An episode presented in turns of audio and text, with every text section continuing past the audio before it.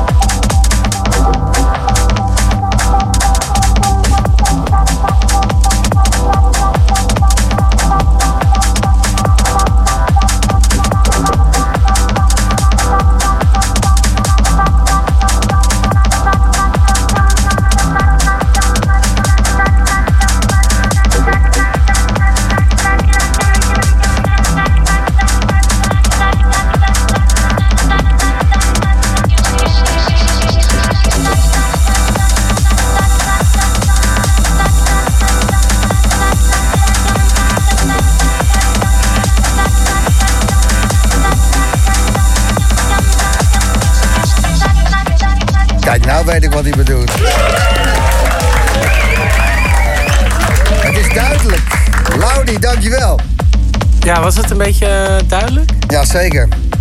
Ik, uh, ik, ben, ik ben wel nog kritisch. Ik vond het laatste deel kon ik iets wel iets, iets strakker doen. Maar het was, uh, het, was, het was, ja, ik vond het wel lekker eigenlijk. Ja, wat zit je nou te zeiken, man? Ja, gast, dat moet je toch altijd op jezelf zijn, een beetje Hoezo? Deze plaat is trouwens van uh, mij en Horseman. Dus uh, ik dacht ik sluit af met 147 bpm Deep House. Maar dan...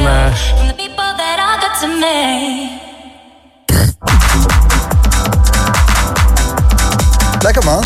Het is heel vrolijk. En up tempo. En up tempo. Ja. Goed zo, dat je gewoon uh, zoekende blijft naar een sound waar je zelf vrolijk van wordt. Ja, anders is het ook niet meer interessant, hè? Toch? Nou ja.